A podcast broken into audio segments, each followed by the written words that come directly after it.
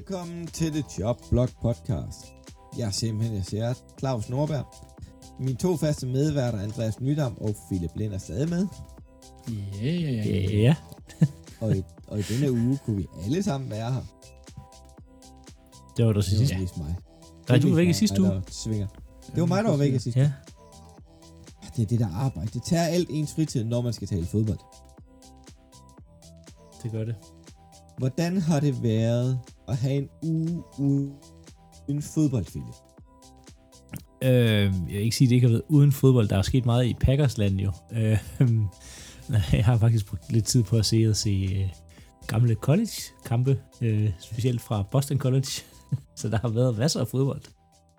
Ja. Øh, men det kommer vi nok ind på lige om lidt, hvorfor jeg har brugt noget tid på det. Hvad med dig, Andreas? Hvordan har du haft det? Jamen, det har været sådan... Øh... Jeg er begyndt at spille Madden. Det er sådan, det, er sådan, det er sådan det, jeg ligesom har at sige. Øhm, Ja. Du har vel bare hovedet på, at du ikke har snakket at, at folk står med at stjæle alle jeres trænere. Og det kommer vi til at snakke om lige om lidt. Hold nu kæft, mand.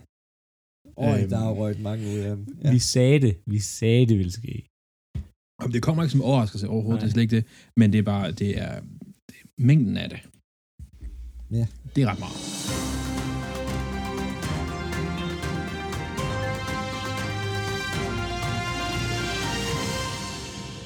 Men skal vi runde øh, weekendens joke? Pro Bowl. Jeg skulle til at sige Øh, joke. Har, har, har I set noget af det? Nej. Øh, jo, jeg har set lidt highlights her og der. Altså, man kan jo sige... Man kan jo se, øh, hvordan skal jeg forklare det her? NFL selv sætter ligesom standarden for det. Så ved, Pro, Pro Bowl var i går, og det skulle være sådan noget stort og sådan noget. ikke? Når man går ind på NFL's hjemmeside, så er der én nyhed omkring Pro Bowl. En. De går ikke engang selv op i det. Nej, altså, det, jeg synes faktisk, det var bedre end forventet. Når jeg har set lidt af det. Det var bedre end forventet. Og den Pro Bowl kamp, Andreas, Andreas, vi snakker også sidste uge om det der med, at de ikke var takt, eller de, hvad hedder det, de ikke måtte blitz og sådan noget. Det er først, at jeg, da jeg tænder for kampen, at det går for mig, at de skal spille flag football. det, er slet, det vidste jeg sgu da godt. det, det vidste vi, Ja, vidste ja, hvert det- mig og Andreas. Ja, det er... det, gør, det er derfor, du skal være der, Claus, Det til at rette os. de, det begyndte de jo på sidste år. Ja, men det er Ja, ikke gået op men- for nogen af os. Vi sad og snakkede er om, at de, skulle, at de skulle spille en rigtig fodboldkamp. Jeg så også, de skulle, de skulle trække tog. Altså, altså Det er, jo- det er jo Det fint, så... det er jo fint. Altså, spillerne virker til at hygge sig. Men det, øh, jeg så noget, den der flag det er klart, de får penge for at være der. Jo, men stadigvæk. øh, øh, der er, NHL har lige afholdt deres, øh, hvad hedder det, de har deres All-Star Weekend nu her. Og der er en, der hedder Kucherov, som man kan se ikke vil være der. Altså, han gav under 20 procent. Han, skøj, altså, han stod næsten bare stille på isen. Altså, han gad ikke være der. Så man, de kan godt være demonstrative, de der superstjerner en gang imellem. Øhm, og det var fedt at se, at ligesom alle NFL-stjernerne, de virker til gerne være der. Men det, det jeg kom til at tænke på med den der flag kamp er, det er bare, det er en lidt optag til OL i Los Angeles. Oh. Der, der, altså jeg sad jo sådan og kiggede og tænkte, "Nå, det her, altså, det, men de her spillere kunne reelt set godt spille til OL. Altså, det ville jo være tog det seriøst, ja. Og også Ja, bare som de spillede her i, i den anden dag, de er så gode selv til flag football.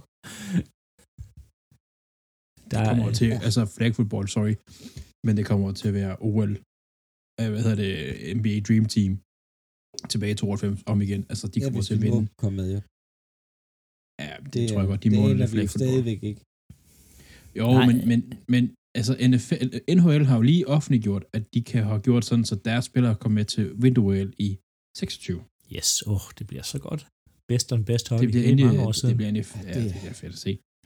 Så må ikke, hvis, hvis NHL giver lov til det, må så ikke NFL siger, jo, I må gerne hygge jer en sommer med noget flag football, som de nok alligevel gør. Og, og, de, og det, så, det, det vigtige er jo, at det er flag, det her. Ja. Altså, så det er ikke, øhm, Der er ikke noget kontakt ikke som udgangspunkt. Øhm, det der, øhm, hvad hedder det, der blev lavet i torsdag, Skills Challenge. Jeg var syg i fredag. Jeg satte det på om formiddagen. Øhm, jeg oplevede lige præcis øh, quarterbackene kast med, med bolden, og så sov jeg, så sov jeg igen. Jeg synes, det var lidt langtrukken, og at quarterback, der skulle kaste efter stillestående mål, kunne ramme så meget ved siden af, når de ikke laver andet. Det var jeg dybt overrasket over. Og du har set Jalen Hurts gennemgang. Ja, hold kæft, det var ringe. Men altså, Claus, jeg, så, jeg, jeg, tænkte, jeg tænkte lidt på, på det der, det der skill competition, som Tour de France etappe.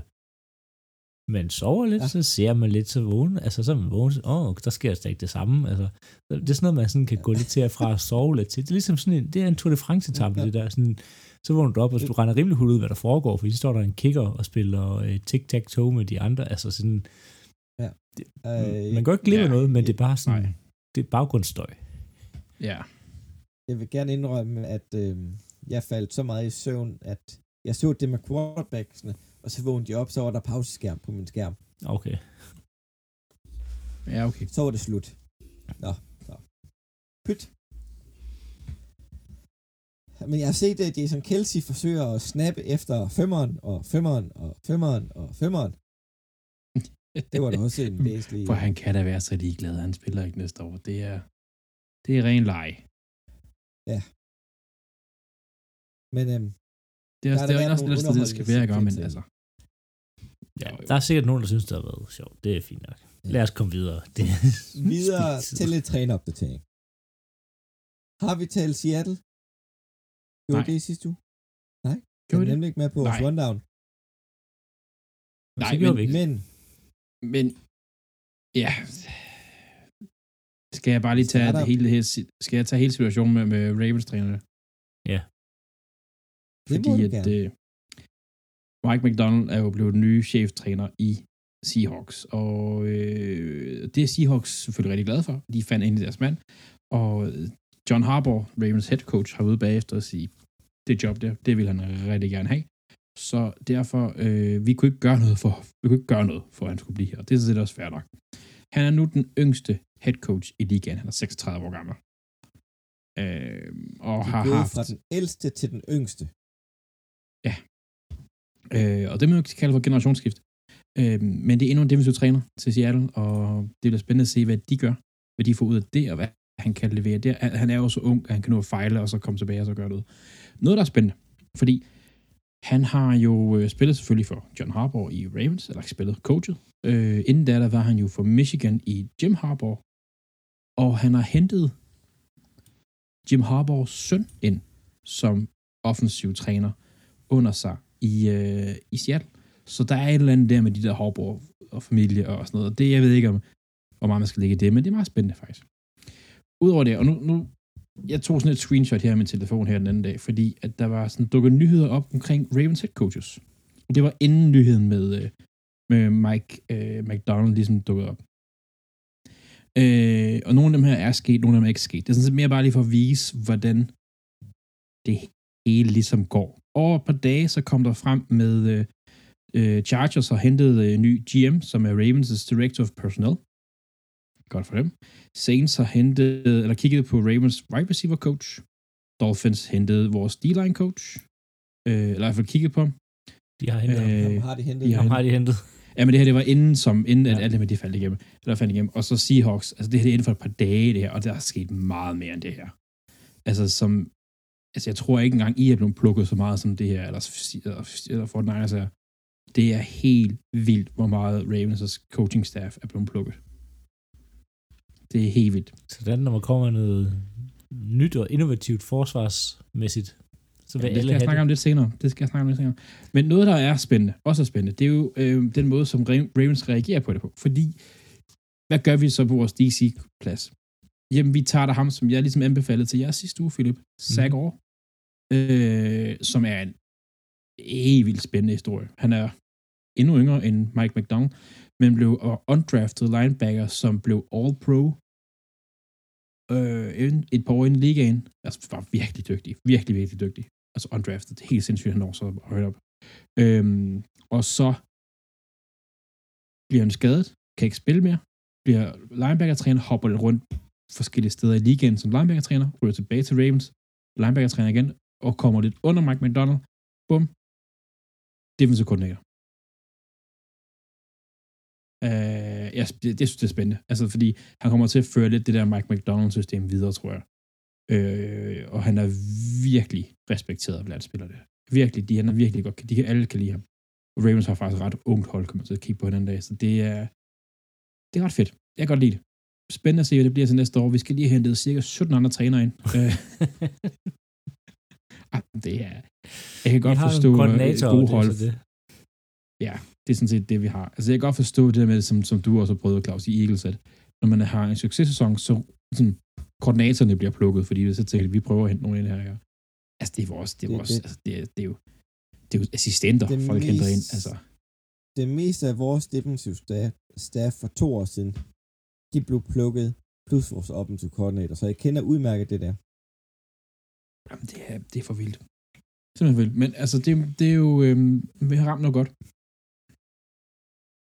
Ja, Men Så tillykke til det. hvis, altså, hvis du kigger rundt og siger, fordelen ved det der, det er, at I har også nemmere ved at tiltrække øh, bedre træner bagefter, fordi de kan se, at når man kommer til Ravens, så er der ligesom en chance for, at man kan komme videre og avancere, hvis man har, altså, hvis man drømmer om Åh, at gå ja. defensive coordinator.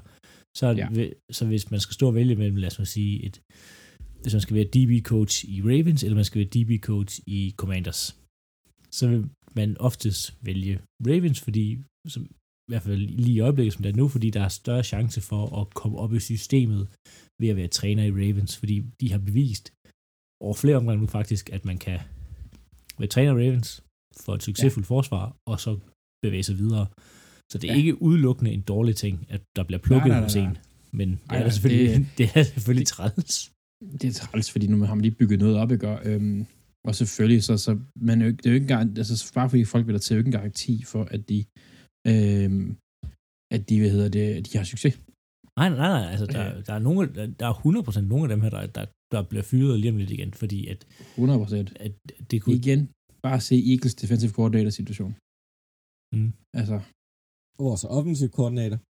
ja, egentlig også det. Jeg håber Det, virkelig. det synes jeg er værre, faktisk. Ja.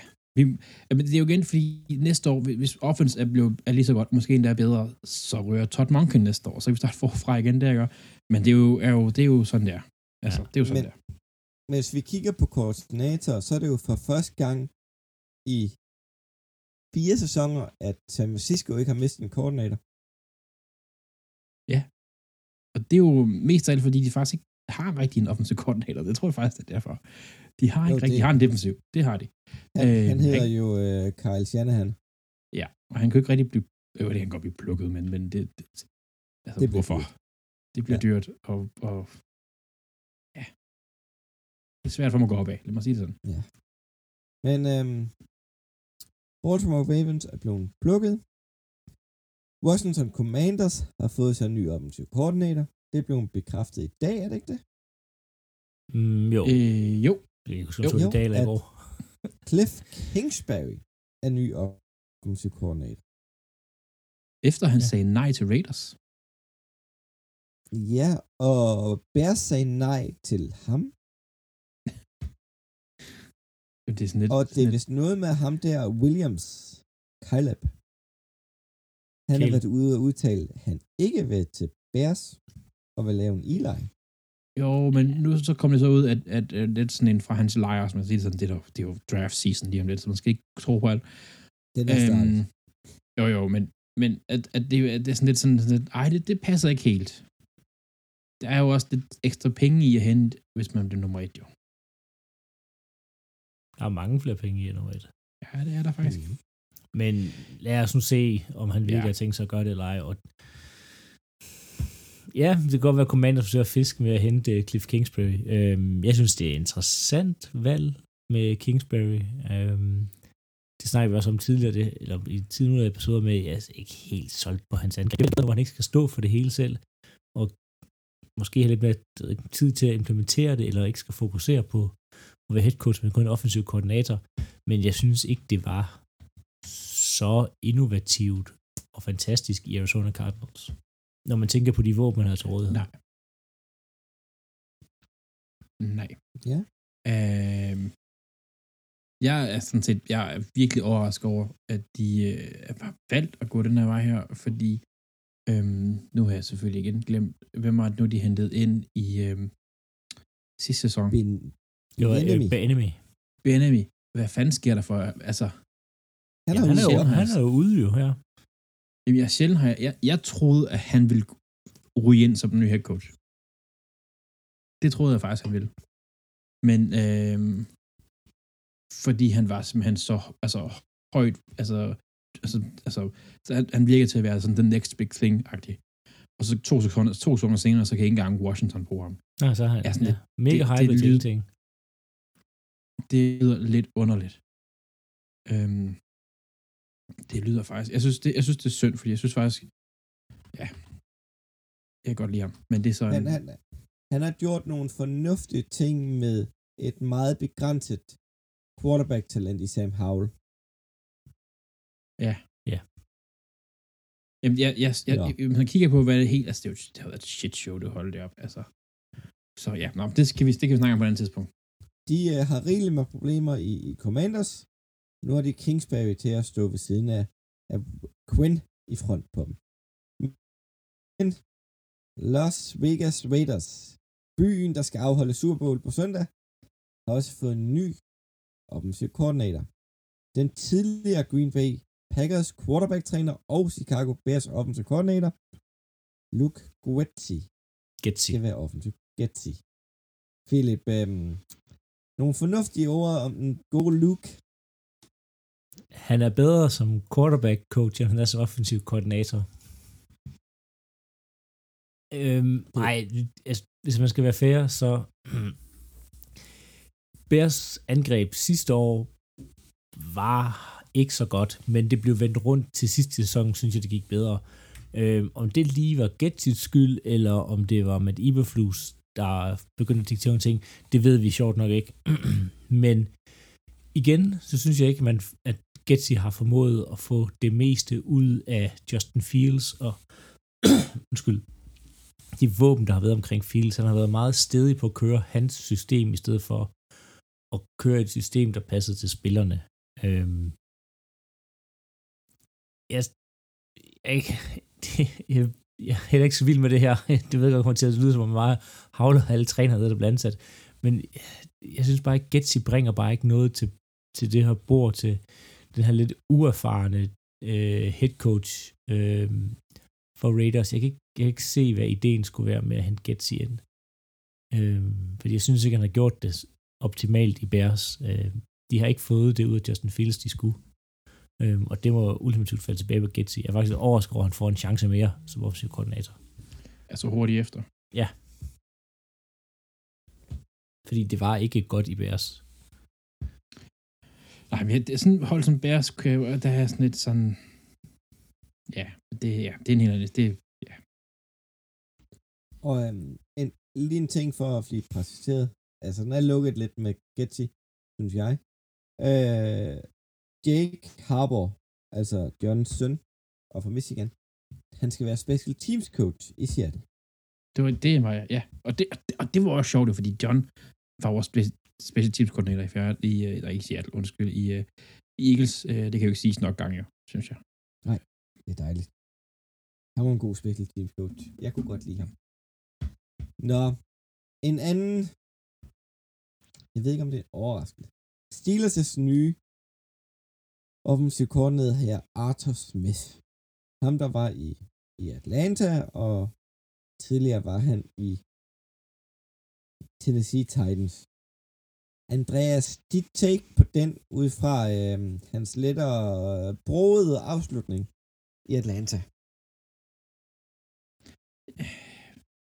Jamen, Arthur Smith, ja, ja, tidligere som koordinator har han jo været dygtig, faktisk, synes jeg jo. Egentlig lavet noget godt. Mm, ja, ja. Det, jeg, jeg, jeg tror, Steelers er sådan et hold, der sidder lige nu og tænker, oh, hvis vi, hvis, vi havde vidst, at Bienemy var blevet fri, så havde de nok... Altså, det var sådan et sted, jeg havde set, der havde Bienemy, han, Bienemy havde været. Han har trives i Steelers. Det havde givet noget. Altså, når, det, når man ser Ja. Arthur Smith, så tænker man bare igen, en, en, en igen, der ikke formår at udnytte de bedste spillere på hans hold. Han formår Nej. ikke at udnytte uh, Drake London, uh, Carl Pitts, Carl Pitts. øh, hvad hedder det, BJ Robinson, de blev sådan negligeret og brugt sådan som decoys og sådan noget, og det er bare, ja, det, er- jeg har det på samme måde som med de andre. Det, er sådan, det var ikke godt, det angreb, der blev præsteret i Atlanta. Jeg forventer ikke, det bliver bedre i Pittsburgh. Altså, Enemy havde, synes jeg, været oplagt, som du siger. Det havde været, det Ja. passede godt ind. Det, han havde været mere nytænkende. Arthur Smith, det virker bare som, man, ved, man tager bare, hmm, det navn kender vi, så ham tager vi. Altså, det er sådan, Ja, ja, han er tidligere, han er, ja. Ja, det, jeg er helt, helt enig. Altså, det gør intet. Det er lidt ligesom de... Claus. Philip, fortsæt. Nå, jamen, det, var, det, det gør intet for mig. Det er bare sådan, det er sådan et øh, hej, hvor jeg sådan tænker, ah, var det, virkelig, var det virkelig det, I skulle bruge i Pittsburgh? Det tror jeg bare, at det, det er det ikke. altså, altså Pittsburgh, jeg tror, der er rigtig mange Steelers-fans, der vil give mig ret det her. Deres offense har været det er ligesom at tage sådan en, en tuk-kiks, der har ligget på køkkenbordet i tre dage og spurgt den i munden. Altså, det har virkelig bare været kedeligt. Og det har bare ikke formået at gøre noget godt. Øhm, så det er det der med sådan, ja, det, det lugter lidt af Matt Canada, det her, synes jeg. Ærligt talt. Jamen, det, det, det, det virker bare for kedeligt, og for sådan for, også når man så Atlanta Falcons, det var bare ikke, det var, for mig, det var ikke spændende offense. Det var Det ikke var, sådan, det, var, det var sjovt i starten, men hold kæft for døde det hurtigt. Jamen, det var ikke, det var ikke godt jo. Det var ikke sådan, Altså. hvor man, sådan innovativt. Det var ikke, det, jeg vil sige, alle offense skal ikke revolutionere ligaen, men det var bare sådan, det blev for nemt. Altså, de scorede bare Ja. ikke særlig mange point. Jeg tror, de vundet en kamp de- som de- 3-4, eller hvad hedder det, 6-0 i, sidste år. Altså, det var... Enemy har været et Øh, meget bedre hejre. Det Meget mere eneste spændende positive, jeg kan se i Arthur Smith, det er, at de har nogle okay running backs i Steelers. Når de Ja. er i form, og de har en offensiv linje, der rent faktisk godt kan finde ud af at run-blokere. Det kan sig Muller i hvert fald. Men det, Claus, det havde han jo også i Falcons. Men Ja. prøv, at- det er jo det, som Steelers har haft sidste par år. Altså, prøver jeg- det er jo- ud af running backsene. Ja, men de vandt fandme ikke kamp. Altså Steelers, de har, det, det er nøjagtigt det, Steelers har gjort i år. De har prøvet at kaste, og kaste kort, det fungerer ikke, og de kan finde ud af at løbe bolden. Det er fint. De gik 9-8, og de røg ikke i slutspillet. Altså, det, det lugter af det samme, det her. Det, havde- det, er, det, det er ikke noget, hvor jeg tænker, fedt, nu ligger Steelers en plan for de næste fem år, en ung træner ind, der skal prøve at lave noget nyt, eller der skal prøve at hjælpe den. Enten så skal de gå efter en ny quarterback draften, eller så skal de få en ind, der har virkelig erfaring med at udvikle quarterbacks. Og så skal de prøve at bygge noget op. Altså, Smith er ikke en, du tænker langsigtet med, synes jeg. Mindre de har, altså jeg har ikke tjekket deres staff, jeg ved ikke, om de har en, øh, jeg kan næsten ikke sige ordet, men Heinz Ward liggende, øh, som en receiver coach, som de tænker, om fem år er han en god koordinator. Altså, Jeg har lige en hurtig quiz her. Sidste Ja. sæson, Atlanta Falcons, hvor mange kampe lavede de 25 point eller under i? tre 25 point eller under. og under. Under Oh, ja, det er Øh, øh, 14. 14. Det er tæt på 15 kampe. Nå. Det er med dårligt. Og mange af dem er jo 6 point, 7 point, 16 point, 16 point, øhm, 13 point, 7 point. Ja, vi 17. har forstået din point. Altså, det, jamen det er bare... Puh. Nå. Skal vi ikke øh, gøre Philip lidt godt humør, Andreas? Og, øhm, og lade ham tale om Green Bay Packers' nye defensive coordinator. Hvor Ham kan du sikkert- han kan sikkert ikke lide ham. Nej, man kan ikke lide ham jo. Jamen, det, altså jeg ved ikke, om jeg kan lide, udenbart kan jeg godt lide hired i Jeff Hafley, øhm, fordi det er det præcis modsatte af Joe Barry. Øhm, jamen, Hafley, han spiller meget øh, cover 1 og lukker midten ned. Øh, Barry jo meget cover 2, det vil sige to dybe safeties. Her har vi kun en dyb, og så spiller han øh, presmand på cornerbacksene, hvilket siger, at cornerbacks line op helt i ansigtet på receiverne, og forsøger at jamme dem på line of scrimmage. Øh, Joe Barry spillede gerne sin cornerbacks 10 yards dybt. Øh, så det er, det er fuldstændig modsatte, der kommer til at ske næste år i Packers. Øh, midten af, af banen bliver lukket ned, og vi kommer til at spille pres på ydersiden. Og rigtig meget øh, mand-mand, hvor det sidste år var meget zone. Så det bliver noget andet i hvert fald. Øh, og sige, han er jo rimelig ubeskrevet i NFL som sådan. Øhm, han har ikke tidligere været koordinator i NFL, øhm, men har arbejdet som øh, DB-coach og online coach blandt andet under øh, Salah øh, og under Mike Patton. Øhm, og så var han jo også under Chip Kelly i San Francisco 49ers, øhm, og en af de få trænere, der faktisk ikke blev fyret, da Kyle Shanahan overtog for 49ers af. Så det ser også som noget positivt. Og så en anden positiv ting ved det her, det er, at nu har Packers tre trænere, der alle sammen har head coach erfaring. Øhm, så at Matt LaFleur måske ikke skal være så meget involveret i forsvar og special teams, fordi at det er tre, nu er de tre, tid, eller to tidligere head coaches med relativ succes som head coaches, der forstår, hvordan et hold skal fungere, og ligesom kan styre deres egen afdeling for sig selv. Øhm, så jeg er egentlig sådan, jeg synes det er, det var ikke en, jeg overhovedet har hørt om, og det var sådan, min første reaktion var, hvem er det her, og hvad er det, hvor, hvad har han lavet, og hvor kommer han fra? Øh, men han kommer som head coach for de sidste fire år fra Boston College, øh, og har kørt det program op fra, at det næsten var ved at, at ikke lukke, men i hvert fald lå i bunden, så har de haft øh, bowlkampe de sidste par sæsoner. Øh, så jeg synes, det er interessant hire, øh, og det bliver spændende at se, hvad han kommer ind og, og hvilket koncept de der tænkt sig at køre. Jeg, jeg er noget mere tilfreds med ham her, end jeg var med Joe Barry. Nu må vi se mm-hmm. efter, uge, efter uge 3. men, men lige nu er det meget positivt. Ved du hvad, så hopper vi videre til quizzen, og den har bare overskriften. Big Red. Spændende. Så går vi i gang med Super Bowl optag. Glæder jer, drenge. Okay, det, det, var, det var det, vi fik. Big Red. Så ja. videre. Og Super Bowl. Nej. Skal vi lige tage et pitstop? Hvad yeah. er en god Super Bowl aften madmæssigt for dig, Philip? Uh, Russell's Burger. Ej, der skal være noget... Øh, der skal være noget, noget burger, øh, helt klart. Og det må også gerne være altså, amerikansk med masser af ost og, og sådan lidt... Øh, øh, ja, lidt til den der sådan ulækre side. Øh, og så til det ser, at jeg elsker banana toffee pie. Altså, det er simpelthen... Ej, hvor er den god. Øh, så de, øh, det skal der være. Øh, så, og så kan vi altså diskutere om, hvor mange øh, nachos med ost og øh, quesadillas og andre ting, der skal være til. Men i hvert fald en, en stor greasy burger, og så en uh, banana toffee pie, så er jeg uh, lykkelig. Så er du lykkelig. Mm-hmm. Og du skal i køkkenet selv i år, kan jeg regne ud? Ja, det skal jeg. Fordi at det er første gang i, i nogle år, at uh, Philip og os ikke skal holde turbol sammen. Han skal arbejde. Ja, det tror jeg. Desværre. Der har du alt det Andreas, forkerte, har du styr på vores menu? Øh, det har I andre, tænker jeg. Øh, nej, ja, det, det, vores menu lyder langt hen ad vejen, lidt som det film, man gerne vil have. Vi står på øh, pulled pork burger. Uh. Alle kommer lidt med en del selv. Det synes jeg er ret spændende. Det, har, det synes jeg er ret fedt. Jeg har ikke lavet noget til det, men øh, det bliver fedt. Øh, jeg er lidt der, hvor du er, Philip. Øh, men jeg er også nået til et punkt i min, min, min, min, min alder. Det lyder som, jeg er... Må jeg ikke længere kan tykke noget? Jeg kan ikke rigtig tykke det der. Nej, jeg, jeg, jeg er sådan lidt sådan... Øh, ikke alt for... Ikke, ikke, overvældende mængder. Det skal bare være godt. Ja. Altså det der med, at nogle gange man har, så har de...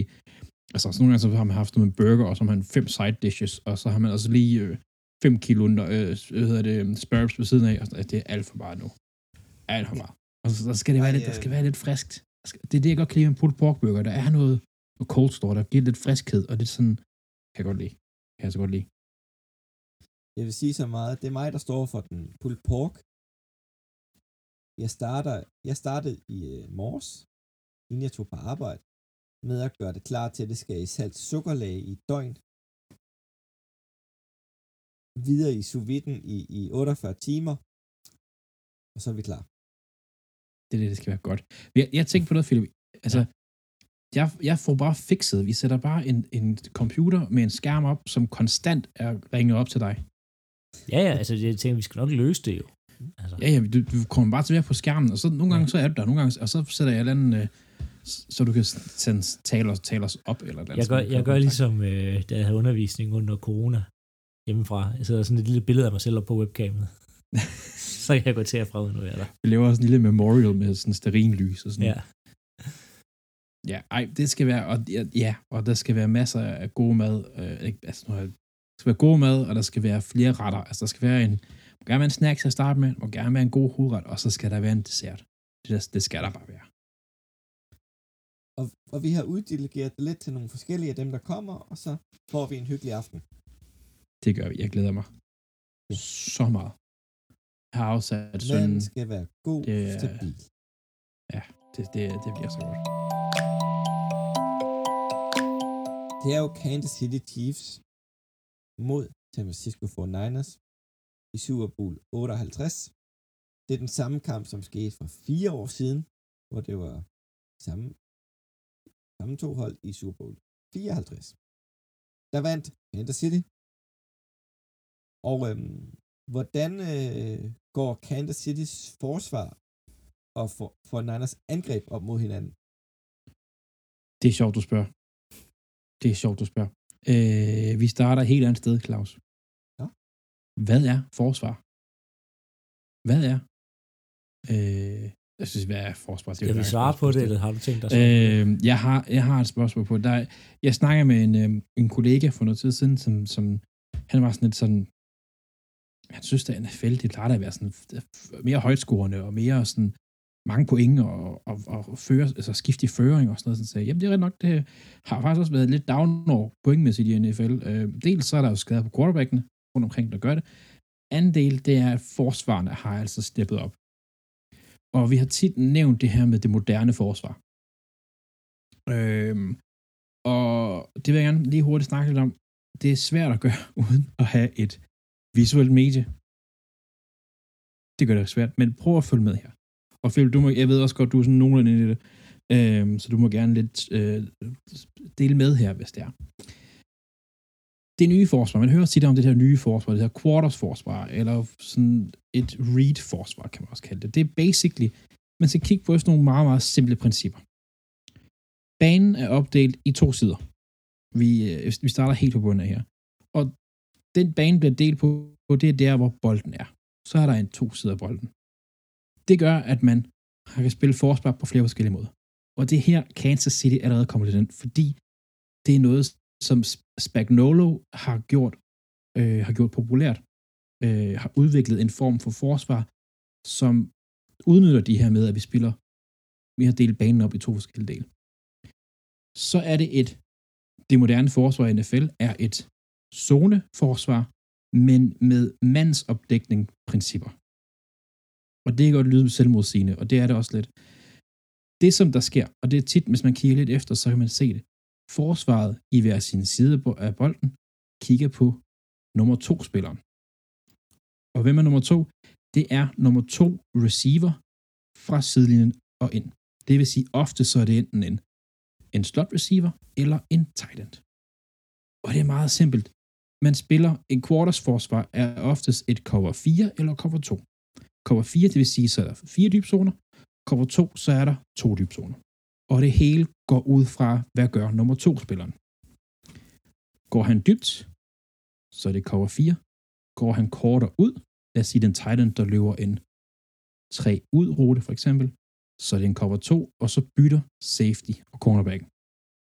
De bytter mand simpelthen. Fordi der er sådan nogle principper, der gør, hvis der går en ud, så skal der ske noget modsat. Altså, så skal der, hvis nu er tight end, han løber en 3 ud, for eksempel, så vil der komme noget modsat, som for eksempel er en, en receiver, der løber en dyb slant, eller en go, eller et eller andet. Det er sådan nogle principper, man har ud fra. Øh, det her øh, øh, forsvar, det kræver noget tid til at læse. Så derfor så ofte, så, og det er også derfor, at man har været efter en Brock Purdy, for jeg skal også snakke for de andre for angreb. Øh, Brock Purdy har været lidt anklaget for at kun kaste de her korte øh, outruter, for eksempel. Altså de her shallow ruter. Og det er der en rigtig god grund til. Det moderne forsvar opgiver tit og ofte øh, det er lidt forskelligt fra forsvar til forsvar, men de opgiver ofte end de første 5 yards. Og nogle gange er det måske endda de første 10 yards, som de siger, dem dækker vi ikke op. Det er helt fair. Fordi forsvaren der de er så hurtige, at hvis de kaster de her hurtige outs eller shallow ruter, så kan vi nå at hente dem. Det er sådan set ligegyldigt. Så den er åben hele dagen. Det har Fortnite fundet ud af, så de kaster dem hele dagen. Og det har haft nogen effekt. For kan gøre det bedre end mange andre, og det kommer jeg lidt tændt på til senere. Øhm, Steve Spagnuolo, vi skal lige tilbage til, hvad det egentlig er. Han har gjort det her, det hedder cover 6 forsvar populært. Og det er ikke fordi, ligesom cover 4, der står ikke seks zoner dybt. Det er ikke det, der går ud på. Men det er det her med, at dagen er opdelt i to, og det er skide smart. Det her, det bliver skide smart. Det vil sige, at man i den ene side, den side, hvor måske kun står én dyb trussel, der spiller man cover 2, det vil sige, man har en dyb zone der, og den anden side af banen, hvor der måske er to dyb trusler, eller hvor der er mest græs, som man kan sige, der dækker man en cover 4, så der er sådan en, øh, øh man kan sige, en skæv cover 3 nede bag, hvis man kan sige det sådan. Det kalder man en cover 6, fordi man spiller cover 4 og cover 2 samtidig. 2 plus 4 giver 6. Og det her, det er noget, som Kansas de gør virkelig godt. Noget, som Kansas også gør virkelig godt, som også er sådan et Steve Spagnolo trademark, det er blitze. Kansas City Ravens var det bedst, så at sige, blitzende hold i år. Kansas er nummer to. Og faktisk har Kansas en højere succesrate med deres blitzes end Ravens. De har, jeg tror det er to sacks eller et sack mindre end Ravens, men på færre blitzes. Er så dygtige til at finde de her svagheder fra deres blitzes, plus det hjælper, når man har en Chris Jones, øh, som står inde i midten og bare optager alt. Han er så hamrende dygtig. Øh, noget af det her også gør, de her så at sige, moderne forsvar, det er tit, at det kan gøre, at vi har, der er så meget dyb dækning nede bagved, man kan line rigtig meget op på øh, line of scrimmage, og så får angrebet rigtig svært ved at læse pre-snap, hvad der er, der sker. Hvem blitzer, hvem blitzer ikke, og det er jo igen her, Spagnolo, han er jo han er genial til det her. Øhm, jeg har lidt sådan en følelse af, og det, der må I gerne ligesom jeg, jeg kan ikke helt finde ud af, om jeg har, det er en god en, eller sådan en, en, en holdning til Spagnolo. Fordi jeg har sådan et med, at han er den nye Dick LeBeau. Jeg ved ikke, I, I kan følge mig lidt jo, i det. Jo, jo, fordi, jeg kan godt følge tanken derhen til. Nå, jamen, fordi at Spagnolo, han er ikke en ung træner. Vi snakker til de her yngre trænere, der skal ung blod ind og sådan noget. Han er 64. Øh, men han har bare fundet ud af, at det der med at holde fast i det, vi gjorde for 30 år siden, det holder bare ikke. Altså han opdaterer, og han gør noget godt, og han, han kan rigtig meget, og han udvikler sig. Og en Dick LeBeau var jo også relevant som koordinator op til, hvad var han, 75 eller sådan noget, Steelers til sidst, hvis ikke mere end det. Også jeg har sådan en følelse. Hvad siger du? Også det Titans. Ja, det var ikke så godt, men det var måske mere spillerne, end det var ham. Men, han, han, han var jo reelt set med til at lægge det grundlag, som, hvad hedder det, uh, Mike Way vil bygge videre på og lave det godt forsvar dernede. Det var, ja, det, det må jeg give dig ret i, det har du faktisk ret i. Øhm, så det her forsvar, jeg, jeg glæder mig til at se det. Jeg, jeg har lidt blandet følelse omkring Kansas, fordi de slog Ravens i, i for et par uger siden. Øhm, men jeg glemmer at se det her forsvar, fordi altså, ud over Chris Jones, øh, så er det lidt en, en gruppe spillere, som man normalt måske ikke kender så meget, fordi Chris Jones er ligesom navnet på det her. Men der er altså spillere som Trent McDuffie på det her spil, øh, Jerry Sneed, voldsomt, voldsomt dygtig. Øhm, Kalaftis. Kalaftis, George Kalaftis. Øh, det er et godt navn. Det er virkelig, altså der, der har mange spillere, som, sådan en George Kalaftis for eksempel, han har, altså, han har 14 sacks på sæsonen, og det er plus øh, slutspil og helt muligt. Øh, så det er ikke fordi, han er en af de der, der er sådan en, en TJ Watt, der laver 1700 sacks inden sæsonen overstået, men han laver bare de rigtige spil på de rigtige tidspunkter. George Karlaftis er en, jeg vil holde rigtig meget øje med. Øh, og også, altså hvis jeg kan finde to keys på det her forsvar til Super Bowl, som ikke hedder Chris Jones, så er det Carl Aftis, og så er det altså Trent McDuffie. Trent McDuffie er han er virkelig, virkelig dygtig. Han er en af de der cornerbacks, som om på år, så ryger han væk, fordi Kansas ikke betaler ham, og så får han en kæmpe kontrakt et eller andet sted. Godt. Jeg har snakket rigtig forsvar. Angreb. San Franciscos angreb. Er angreb, der jeg har, jeg, jeg kan ikke huske, hvornår vi sidst har set et angreb, der har så mange strenge at spille på som Fort Niners. Øhm, grunden til, at Fort Niners, de kan arbejde mod det her moderne angreb, ved bare at udnytte de åbne huller, der er i flatten, Det er fordi, de har så mange stærke våben at bruge. Altså, det er hovedsageligt, det kører igennem Christian McCaffrey, som formentlig, vi har ikke set det endnu, vinder Offensive Player of the Year, men udover det, så er der altså lige 3-4 andre All-Pro, fem andre All-Pro niveauspillere omkring dem. Altså, Trent Williams, genial. Brandon Ayuk spiller virkelig godt i år, på trods af, at han faktisk har været skadet, men virkelig godt i år. George Kittle, ikke så voldsomt, som han har været indtil nu, eller tidligere hedder det, Mads det sindssygt vigtig, og så Altså Debo Samuel. Og så er der jo svejserkniven. Karl Juszczyk. Øh, meget det, som Fornars gjorde i år, det er, at de jo har, øh, de, har, de holder spil mest i 21 personel. Øh, hvor de har både Christian McCaffrey og Karl Juszczyk på banen. De er det hold, altså et de få hold, der stadigvæk har en decideret fullback, de bruger meget, men det er fordi Juszczyk er bare, han kan alt. Og de kan, selvom de liner op med en fullback på banen, så er de ikke hindret af det. Der er mange hold, som er, når de har en fullback på banen, så kan han én ting, og det er blokke. Og enten så er det pass block, og så run block. Juszczyk, han kan alt. Han er ikke voldsomt god til det hele. Han er god nok til alt.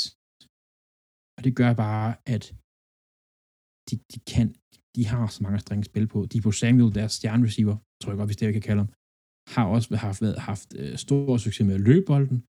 Mm, altså, Chris McCaffrey er den bedste pass-catching running back, også samtidig med, sammen når man har en, ikke en offensive coordinator, men en head coach som Carl Shanahan, der er god til at optegne spil og koncepter og finde ud af, hvordan kan vi bruge de her spillere her, og en, de, eller ikke en Brock Purdy, vi har snakket rigeligt Purdy i år, men, men en Brock Purdy, som er god til at få det hele til bare at hænge sammen, og ikke nødvendigvis fuck det op. Så er det her et offense, som hvis det kommer i gang, så kører det bare. Det gør det. Øhm, inden jeg har lige en sjov strø, øh, inden jeg som slutter af med, til sidst, min, den som jeg vil kigge på her, altså man kan finde sådan en key-spiller, som man skal holde øje med her, øh, det er Kyle Juszczyk. Hvor line op hen? Hvordan line han op? Han kan også sagtens stå som tight end. Han kan sagtens motione ud, faktisk. Jeg har set ham stå som, som, øh, som receiver også. Øhm, han er en, jeg vil kigge på rigtig mange spil og ligesom finde ud af, øh, hvad er det, han gør, øh, hvad gør hvor, hvor står han, og hvordan bruger de ham. Han er virkelig god, og så er han jo fra Harvard, altså jerndød, altså jerndød klog også, samtidig med det. Så han er helt klart en, en, en key for mig her. Det er Karl Juszczyk. Og så lige en sjov historie. Lige en sjov historie. Øh... Nu har jeg glemt navnet. Det er en god start på en god historie. Øh, Cam Newton har jo øh, begyndt at tale i podcast. Jeg har ikke hørt noget af det, som Cam Newton, øh, øh, Cam Newton har sagt. Jo, han har været meget efter Brock Purdy, ved jeg. Han er meget for Purdy. Han kalder Purdy for, han er den 10. bedste spiller på sit hold. Og noget af det, som jeg lige har snakket nu, kan måske, man kan måske tænke, det er måske meget fair nok sagt et eller andet sted. Det giver måske meget god mening. Og så kom Purdy med det, det bedste, altså, bedste svar nogensinde. Han sagde, det er ikke fint nok, jeg kan godt være den 10. bedste spiller på en hold. Han sagde, der er over 90 quarterbacks i ligaen. Der er ikke nogen af dem, der hedder Cam Newton, sagde han. Det, det er rigtigt nok. det, jeg synes, det var sådan, jeg tænker sådan, okay, fair nok. Det skulle i orden sagt, det der faktisk. Altså, de må godt svare igen. Det, det synes jeg faktisk ja. er okay. Øh, det, det, man må ikke undervurdere talentet på begge sider af bolden, specielt ikke for Niners, men, men der er mange, der har snakket med, at, at, skimet har båret øh, langt hen ad vejen, har båret meget af det, som, som Kansas gør godt på deres forsvar. De har altså også gode spillere, og de har spillere, der kan noget godt og er dygtige. Øhm, det her det er et matchup, jeg synes er rigtig spændende. Det havde mere spændende, hvis det var Ravens. Jeg siger det bare. Men det synes jeg er et matchup, som på papiret ser rigtig spændende ud. Det gør det virkelig. Ja, men nu skal vi over på den anden side af bolden for begge steder. Øhm, jeg forsøger heller ikke at gøre det langhåret, men det, det ender det måske med at blive. Øhm, vi starter med 49ers forsvar. Hvis man sådan kigger på, hvordan de spiller, de spillede dem lidt anderledes end, øh, end Kansas City øh, og Ravens og de hold her. De spiller nemlig noget, der hedder en White Nine, øh, som egentlig er, at man liner folk op på ydersiden af tight enden. Øhm, fra forsvars side af, så er det sådan delt op med sådan en, altså i tal fra 0 til 9, hvor 0 det er center, og så går vi der ud af, øh, og så 9'eren er ydersiden af tight enden. Øhm, så San Francisco 49ers vil gerne line en op på ydersiden af tight enden. Øhm, for det gør nemlig, at man har svært ved at løbe på ydersiden af dem. Øh, og de stiller gerne op i en, en 3-4-formation, øh, sige fire øh, down linemen, det vil sige udgangspunkt fire personer med hånden i jorden, og tre linebackers. Og det gør man enten i en over eller en under. Øhm, og forskellen på en over-under er egentlig bare, at øhm, hvis du spiller en over, så har man alle tre linebackers til at stå nærmest som tre middle linebackers, udenbart lige bag øh, den defensive linje, ikke på ydersiden, fordi der har man jo sin wide nine spillere på ydersiden, øhm, og så er nose taggen legnet op øh, i en nul-teknik lige over for centeren, det han står stort set lige på ham, øh, eller kan shadow ham lidt til en af siderne. Øh, hvis man går en under, så dribler man øh, strong side, eller Sam, linebackeren, ned og stiller sig op over for tight enden. Så det, der kan I se, om de står over eller under. Øhm, det her gør bare, at de er utrolig svære at løbe mod øhm, på ydersiderne i teorien. Øhm, det som at Steve Wilkes, som er Stephens koordinator, gør, han er vanvittig, vanvittig aggressiv. Og I vil se et vanvittigt, vanvittigt aggressivt forsvar for 49ers. Øhm, deres linjemænd løber altså 120 i timen ned ad banen konstant. Om det er Joey Bosa, øh, Chris Young, øh, hvem ellers de sender afsted på, på linjen, øh, det, det er meget, de crasher hårdt ned ad banen. Og det har nogle fordele, men det har også en masse ulemper. Blandt andet, at så sådan noget som screens og endarounds kan de blive snydt på.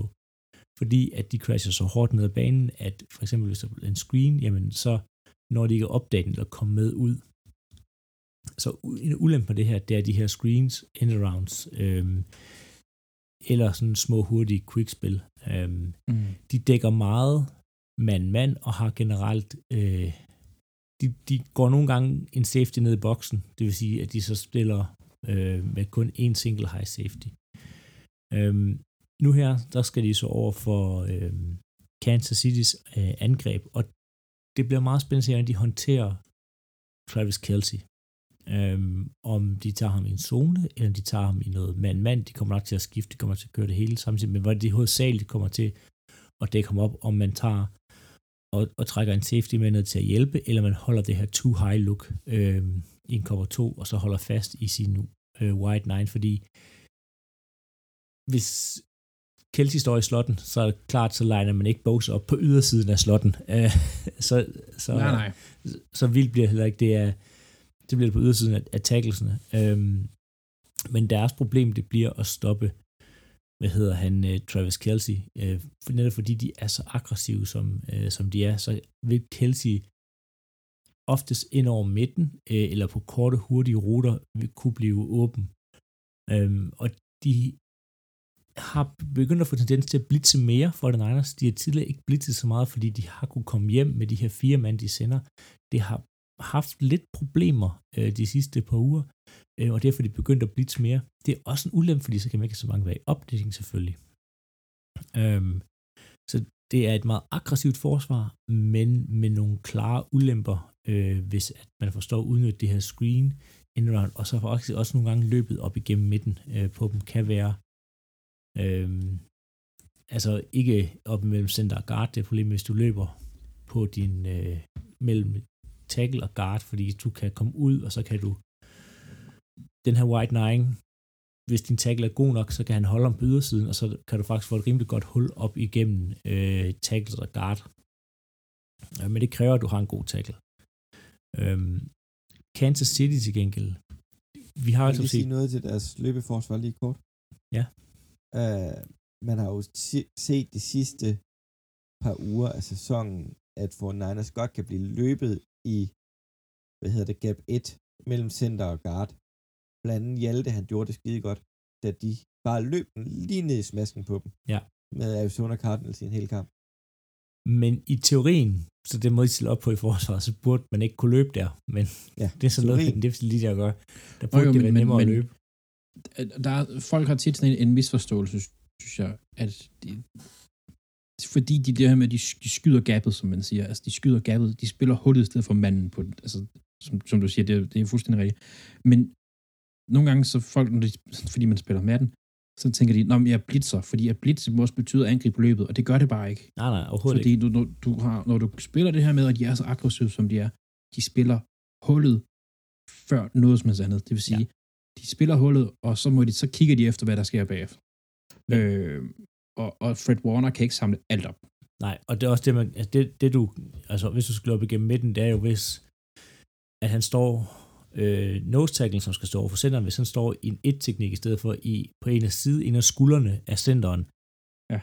så har du mulighed for at løbe mellem, man kan sige, det frie hul, der er på modsatte side, og så kan du, hvis du så får pullet en til at tage den næste, øh, hvad hedder det, linebacker, du møder, jamen så kan du godt løbe. Og så det er også det, vi har set, som altså, de har svært ved løbeangrebet. Øhm, selvom men, at, men, Ja. men det er jo, det er jo, det er fordi lige præcis det der med, når de, når de spiller en wide nine, som du siger, så trækker de en spiller så langt ud, at der vil være et hul et eller andet sted. Ja. Altså tit de andre forsvar, som har spillet det her under-over-system, de har gjort det ud fra en 3-4, altså med tre down linemen og så to outside linebacker, og så basically stod med fem mænd på linjen, for at dække de her gaps på, på, på, på linjen. Der mangler de altså en spiller. Det, altså, øh, for Niners, det, det kunne godt være et problem, altså som vi siger, det er et problem lidt. ja, og det sjove er faktisk, at White Nine blev jo lavet, åh, nu har jeg glemt, hvad han hed, ham der opfandt det. Nå, det er også lige meget. Øh, Jim Swartz, som lavede meget noget. Det var faktisk en, øh, hvad hedder det, øhm, for at stoppe Edgar James for at løbe på ydersiden, og få ham op igennem midten i stedet for. Øh, så det er, det er faktisk designet til, at du skal løbe i midten, og det giver også god mening, fordi ved at du står så bredt ude, jamen så har du nemmere ved at stoppe de her outsides her. Øh, men hvis vi hurtigt skal kigge på, eller hurtigt, hvis vi skal kigge på Kansas City's angreb, det, vi ved jo alle sammen, at de har haft nogle problemer i løbet af sæsonen, og de har ikke scoret så mange point. Det, der sådan er ændret sig her i slutspillet, hvor det begynder at køre en smule bedre, det er, at man begynder at spille rigtig meget 13 personel. Øh, så vi rigtig meget mod Chiefs. Øh, og hvis man er lidt tvivl om 13 personel, så er det tre Titans øh, og en enkelt øh, running back. Um, og det tror jeg faktisk også, vi kommer til at se her, fordi det er ideelt til, når de begynder at spille som Kansas City, eller som 49ers forsvar gør, fordi du har mulighed for at, øh, at pinde øh, og pulle på øh, den yderste mand, og det vil sige, at du låser ham, så han ikke kan have outside contain, og så puller du en guard øh, ud, og så tager næste, hvad hedder det, øhm, mand, de møder, en højst en linebacker, og så kan du løbe på ydersiden. Og ved at have tre tight ends inde, så bliver det bare lige pludselig rigtig svært at komme bredt nok, uden at blive for bredt. Øhm, og plus Travis Kelsey jo kan flyttes rundt til overalt på banen. Øhm, så jeg tror, vi kommer til at se fra Kansas City rigtig meget 13 personel øh, i forhold til, hvad man ellers siger i løbet af sæsonen. Øhm, og så tror jeg, de kommer til at udnytte øhm, Marcus Vandes Scandlings fart rigtig meget, for at holde de to safeties dybt. Det kan godt være, at Scandling måske griber en bold for 25 yards, men det betyder at han ikke er vigtig i kampen, fordi han, skal, han kommer til at løbe rigtig meget dybt i den kamp her, for at sørge for, at de her to safeties ikke trækker ned, altså bare, at de får lov til at stå 3 yards tættere på linjen, gør en kæmpe forskel. Men ved at du bliver ved med at sende MVS dybt, så vil du tvinge safetiesne til at holde længere tilbage, for ikke at blive brændt. Fordi du vil helst ikke blive brændt dybt øh, i løbet af sådan en kamp her. Øh, Kansas City's angreb, det kender vi. Det er igennem øh, Mahomes, det er igennem Travis Kelsey, og så er det igennem øh, Pacheco. Øh, og det bliver med screens, det bliver med mange bolde til øh, Kelsey. Øh, forestil mig nogle korte, og gerne hvis Kansas City sidder i nogle zoner, jamen så bliver det mellem de her zoner. Øh, mellem zonen, der ligger mellem linebackerne og øh, safetiesne. Øh, og så er meget 13 personel med tre tight ends inden, og så en H, så en masse motion, for at finde ud af, hvordan det er, at de stiller op for den Niners forsvar. Mm. Og det er, jo, det er jo noget, man skal passe på med, og specielt mod sådan en som, som Mahomes faktisk. Altså, tit så grunden til, at man også lidt i det her syst- moderne forsvar, man, man har den her no-cover zone, som det hedder, hvor vi de sidste første 5 yards eller 10 yards, whatever, dem dækker vi ikke op. Det er fordi oftest så er det et af de svære catch at lave, fordi du skal være så præcis på det korte kast, og det er Ja. sådan, at man tænker, kort og nemt, ikke nødvendigvis, fordi. Nej. der er ikke noget justeringstid for det. Men Mahomes, han er præcis. Ja, og det er nemlig det, er fordi øh, for et par år tilbage, der var det jo det her med Tyreek Hill og dybt, dybt, dybt, dybt, dybt hele tiden. Øh, men så gik de fleste over og begyndte at spille det her too high, cover 2, og så lavede Kansas, eller lavede Andy jo faktisk deres angreb om til sådan noget death by a thousand paper cuts, og de bevæger sig jo bare generelt langsomt ned ad banen med par yards her, et par yards der, og så skal de leve med at dumme sig, det sige, de skal ikke have nogen holdings, de skal ikke have, som udgangspunkt nogen tabte bolde, så de kommer behind the sticks, men altså, Kansas City's angreb er bare meget metodisk ned ad banen, øhm, Mm. og så med et par enkelte dybe skud til MVS, men det er meget sådan, at de tager det, at du giver dem, øh, og så dummer de sig ikke, og det har de været gode til. Og så Ja. udnytter de dine svagheder. Vi skal også lige have de to special teams over for hinanden. Mindre du har mere, Philip. Jeg har ikke mere. Du har ikke mere. For øhm, når man kigger på de tos return-spil, punt og kick-off returns, som ligaen som helhed, der er de faktisk ikke særlig gode, nogle af dem. De er under midten i league average på, på punt returns. Kansas City, de er godt nok nummer 16, men de er stadig bagud øh, i, i, i forhold til gennemsnittet. Og øh, San Francisco er bare endnu længere bagud. De er heldigvis nummer 16 og nummer 24 i ligaen til at returnere på punt. Det er jo ikke lige fremt imponerende. Så har vi kickoff returns. Der gør de det ikke meget bedre. Der ligger øh, Kansas City det Chiefs. De er nummer 28. Markant bag gennemsnittet for ligaen. San Francisco gør lige en lille smule bedre. De er nummer 20. Stadig over en yard bagud i gennemsnit. Det er ikke, det er ikke der, de har fingerspidsgefyle på special teams. Det er ikke kickoff, det er ikke punt return. Det er ikke imponerende, hvad de har lavet i år. Jo, de har rigtig mange yards. Begge hold i begge kategorier. Men det er jo på grund af, at, at, at der bliver modtaget mange kickoff på dem. For de laver lidt point og modsat. Kontra når man taler i selve sparke, sparke spillet. Ej, kiggerne venter vi skulle lige lidt med. Vi skal lige tale ponder. De er også mennesker. Ja. ja, Er de det? Ja. ja, det Og- er det. det er ikke bare robotter. Det er ikke bare robotter. Punts inden for 20'eren. Det er et stabilt, godt våben. San Francisco ligger nummer 1. 50 procent af alle deres punt ligger inden for 20 linjen Det er med kant det bedste i ligaen. Kontra Kansas City Chiefs er langt nede. Vi er nede på 33 procent. Det giver generelt bedre position for at vinde kampen, når man giver ud, modstanderholdet en dårligere udgangsposition. Videre til kiggerne. Og det er her, det kan blive afgørende. Det er det her, der kan vinde Super Bowl for et af holdene. Ekstra point. Det ene hold har brændt lidt. Det andet hold har ikke brændt et ekstra point i år. Kansas City har ikke brændt et ekstra point i går med Hans Basket. Hed han ikke Ba- Basket? Nej, det gør han ikke. Ej, nu har jeg glemt, hvad han Vodka. Vodka. Harrison Butker. Harrison, vodka. Harrison Butker. Hans Basket var gammel Eagles wide receiver. Ja. Det er ikke den der Playboy-modellen. Hvor fanden kom det ind fra? Nå. Sidder du sidder og tænker på Playboy-modeller? ja, nej, det, det gjorde jeg nu ikke. Kontra San Francisco 49ers har en rookie kicker i Jake Moody. Jake Moody, han har brændt fire field goals i år.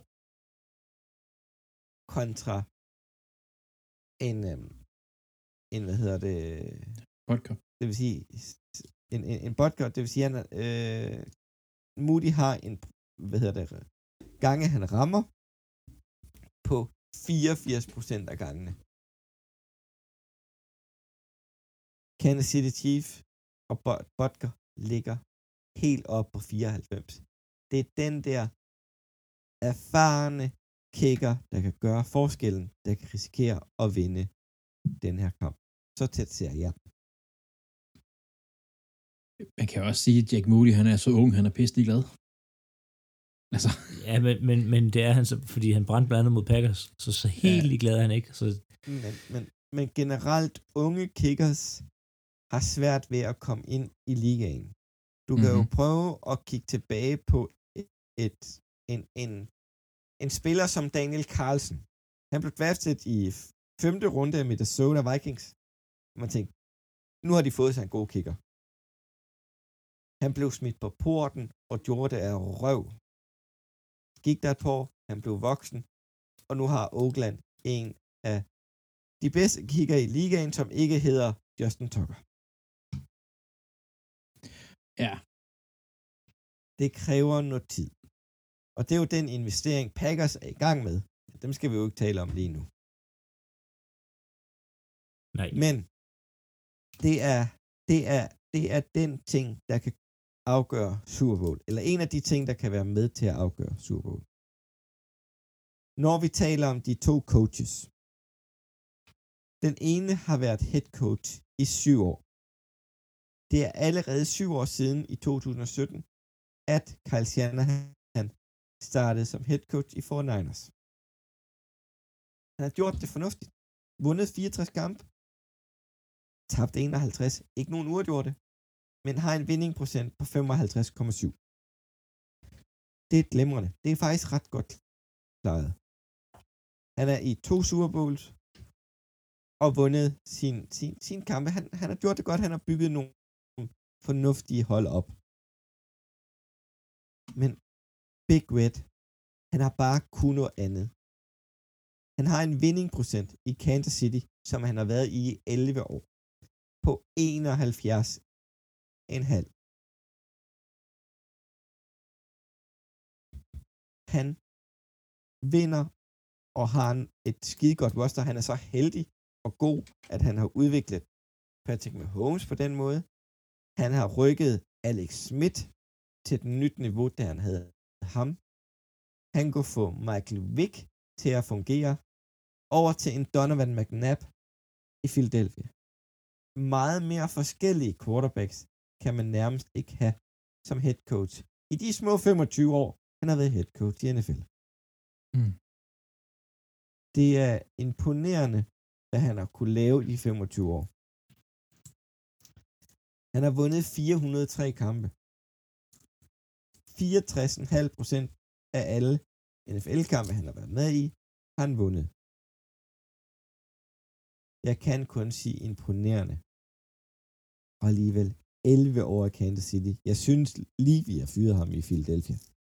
Og han har været, det er hans fjerde Super Bowl på fem år. Jo, de har Patrick Mahomes, men han kan blive ved med at genopfinde, genopfinde sig selv, playbookmæssigt, spilkaldsmæssigt, hvor han bliver ved med at udvikle på, hvad ligaen giver ham. Det kan godt være, at der er nogle startvanskeligheder som i år, hvor at de har skiftet meget i personale på wide receiver positionerne, men de løser det. De er farlige, og man kan godt, godt se frem til en god Super Bowl. Jeg mangler at se den ændring i Kyle Shanahan. Han kører meget hans system, og kun hans system. Noget til trænerne i to dejlige mennesker. Nej, vi er meget enige. Altså, det, det, det er jo to gode trænere, men altså, vi har jo set Shanahan choke i det største moment nogensinde, ja. øhm, som offensiv koordinator for Falcons. Så. Men, men det er, det er også... Øhm, Det er også to trænere, der er notorisk kendte for at scripte. Øh, så vi kommer til at se to, øh, det første halvanden quarter hvor det kører, ser rigtig godt for begge hold. Spørgsmålet er, hvor langt, hvor godt det kører efter de første 15, 20, 25 spil, hvor mange de scripter, det er lidt forskelligt. Øh, det kommer til at være en nøgle.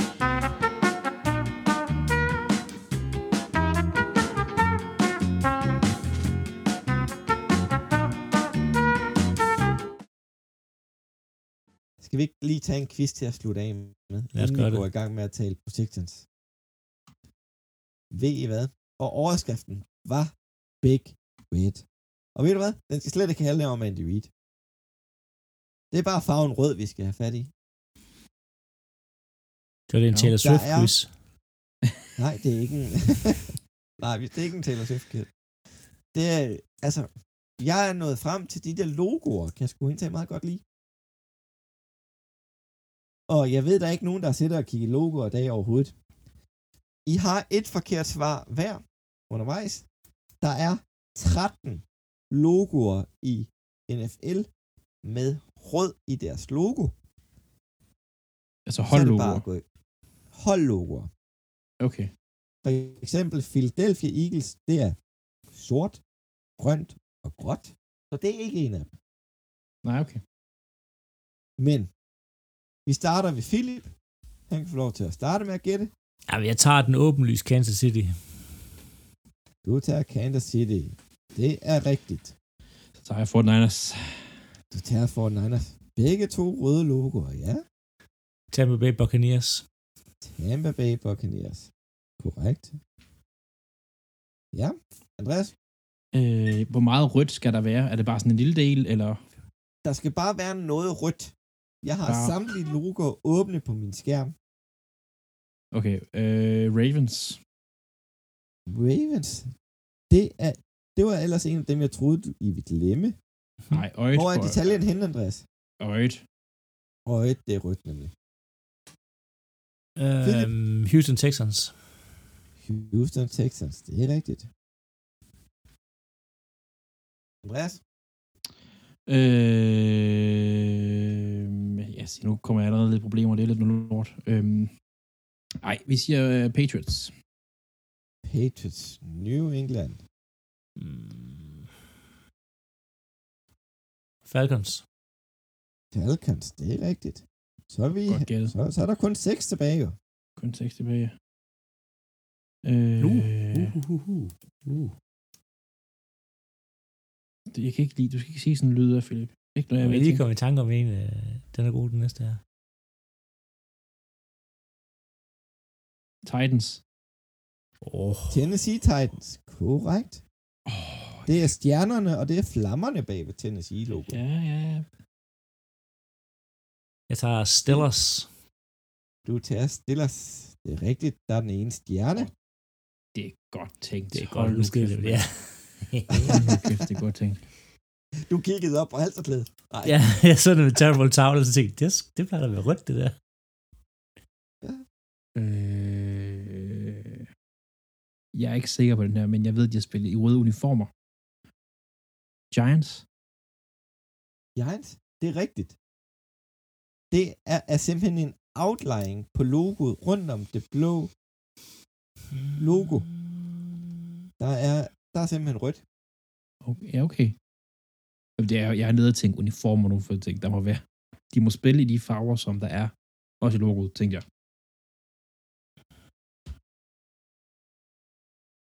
Er der mange der tilbage? Der er Fire? tre logoer tilbage, Philip. Uh, Buffalo Bills. Buffalo Bills er rigtigt. Åh, hvor er det træls. For Cardinals, for helvede. Cardinals, ja. Hele fuglen er rød, for delen da. Hele fuglen er rød, ja. Det har de haft siden 94. Mm. Altså, er vi nede på en? Der... Øh, øh, kommunisterne, Commanders. Commanders, det er rigtigt. Mørkerød. Jeg skal, jeg skal lige tælle her. 2, 4, 6, 8, 10, 12.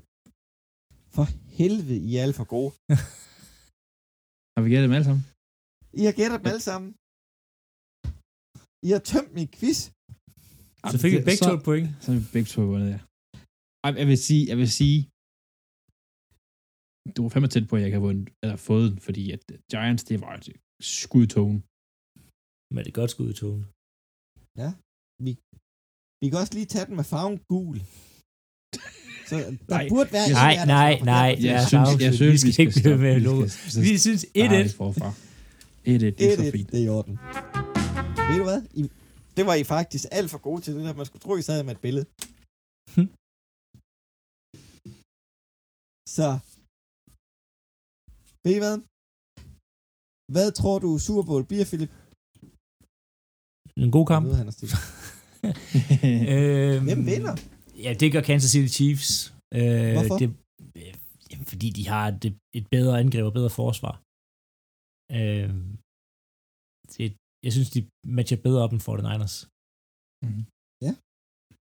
Hvad synes du, Andreas? Jeg siger Fort Niners. Øh, Fort Niners har for mange, øh, for mange ting, øh, mange våben på angrebet. Øh, plus, Holmes' far er blevet taget af at køre med alkohol i blodet, og det bliver en kæmpe for, altså, forvirring for ham, og det bliver en kæmpe historie, og faren dukker op, og han skal slet ikke være der. Det bliver en kæmpe historie. Øh, nu er jeg, tænker jeg, alt for stort her, men, men ej, Fort Niners tager den. Det tror jeg sgu. For Niners herren. Er, du lidt ramt for sidste uge? Er det derfor? Det er jeg nok lidt, men jeg, jeg er måske også bare sådan lidt sådan, vi har set Chiefs være der. Det har vi også sige, 49ers være der. Altså. Nå jo, men vi, der har øh, været mindre Fort Niners, end der har været Chiefs. Ja. Altså, der er gået så, øh, New England Patriots til Kansas City Chiefs, eller hvad? jeg er lidt mættet af det. Jeg er lidt mættet af det. For jeg er nemlig på Kansas City Chiefs også. Fordi Det er okay, jeg står gerne alene. quarterback. Hvad siger du? Jeg står gerne alene, det er okay. Du kan stå gerne alene. Men øhm, det er, hvad vi tror. Jeg tror, at Kansas, jeg tror, at det kan sige, at det er quarterback, der gør forskellen, og det gode forsvar. Det, er, det bliver spændende. Har vi en score, Philip? Nej, efter, øh, 31-28. 31-28. Ja, ja. Øh, Og- 34-21. Jeg tror Jeg på slet ikke, om- 21-24. At vi er dernede. Ja, okay. Det giver også god Ellers mening. nogle øh, afsluttende ord fra nogen af jer? Nej. Mm, nej, jeg glæder mig. Det bliver godt. Det gør også. Ja. Det bliver fedt. Vi glæder os. I næste uge kommer vi selvfølgelig til at tale om Super Bowl. Vi kommer til at tale om øh, priserne. Og så tales vi ellers bare ved. Og I må hygge jer og have en fremragende aften på søndag. Moin.